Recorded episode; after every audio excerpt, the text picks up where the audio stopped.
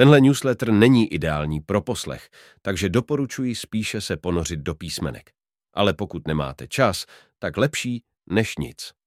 Dnes ráno překvapila celou startupovou a ajťáckou scénu nečekaná zpráva. V nejúspěšnější společnosti věnující se umělé inteligenci zřejmě probíhá velký boj o moc. S okamžitou platností byl odvolán zakladatel společnosti a asi nejvýznamnější osobnost celého světa AI, Sam Altman.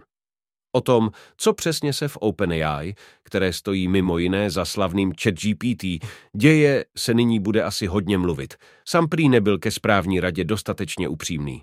Neschody ohledně ziskovosti a neziskovosti OpenAI, obavy kolem budoucnosti a nebezpečnosti produktů OpenAI, divoké spekulace mohou začít. Dobrou zprávou je, že součástí OpenAI již není Elon Musk. Představa, že se tenhle blázen ujme vedení společnosti, která tvaruje naši budoucnost, mě nenechává klidným. Naštěstí má dost práce s vlastními vybuchujícími raketami. Jo, a novou CEO OpenAI je žena. Zajímavé povídání právě o umělé inteligenci pak natočil Guardians Iliu. Ten nejspíš hodně stál o to, aby Sam zmizel. To porovnání vztahu lidí a AI se vztahem lidí se zvířaty je opravdu zajímavé. Co za startupy momentálně letí mimo těch hrajících si s AI? Jsou to firmy, které se snaží zbavit nás CO2? Ano, myslím, že by to hezky odpovídalo povaze lidstva. Než se trápit s nějakým globálním oteplováním nebo se nedej bože omezovat, to raději vymyslíme nějakou technologii, která to za pět minut dvanáct všechno vyřeší. A také letí startupy, které umí opravovat a prodávat repasovanou elektroniku a počítače.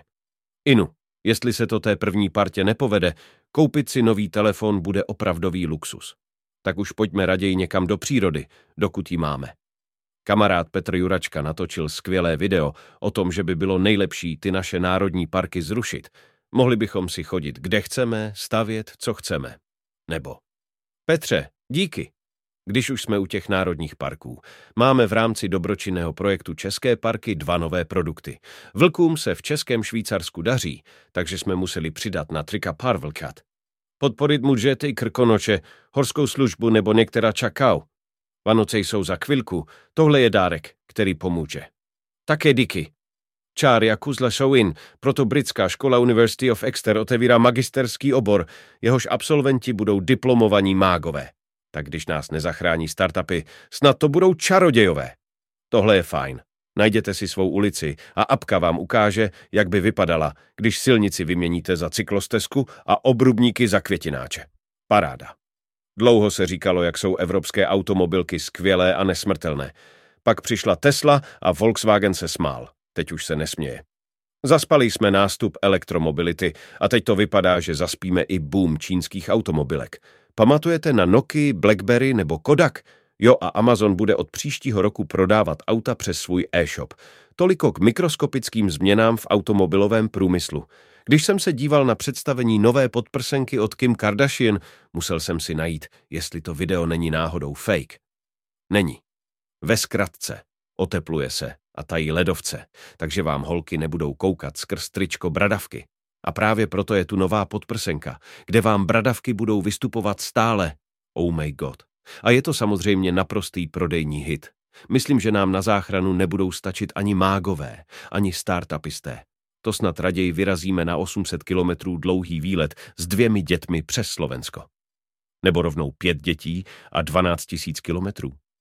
A tady je nějaká ta inspirace pro fotografy. Mikrosvět, ptáci nebo psy. Vypadá to, že nejsem sám, kdo pokukuje po levných nemovitostech v zahraničí. Díky všem, co se přihlásili k odběru nového newsletteru Eleven Houses. Venku je nové číslo, takže jestli chcete srub v Montáně, dům na stromě na Havaji, kostel nebo domek na horách, u jezera nebo u moře, mrkněte sem. Apple oznámil, že od příštího roku začne podporovat RCS. To znamená, že na posílání fotek a videí uživatelům Androidu nebudete potřebovat MMS nebo WhatsApp. Konečně. Zprávy tedy budou pořád zelené, ale haleluja. Umíte správně krajet zeleninu. Opravdu. Jste si jisti? Raději koukněte na tohle video. Norsko v zimě. Také mi to před pár lety připadalo jako špatný nápad, ale stojí za to, mrkněte. Učitelé mají být zábavní. A téhle paní učitelce se to podařilo. Připravila dětem výlet letadlem do Mexika. Tedy jen jako. Vyrobila pasy, přestavila třídu na letadlo. A nebylo by to ve Spojených státech, kdyby si jich nevšimla aerolinka. Tak co, Smartwings, budete se inspirovat? Podzim je tady na severu nejkrásnější a je stále krásně barevný. Dávám tomu už ale jen pár dní, než se ponoříme do mlh. Děkuji vám moc za přízeň, mějte se skvěle a zase za dva týdny.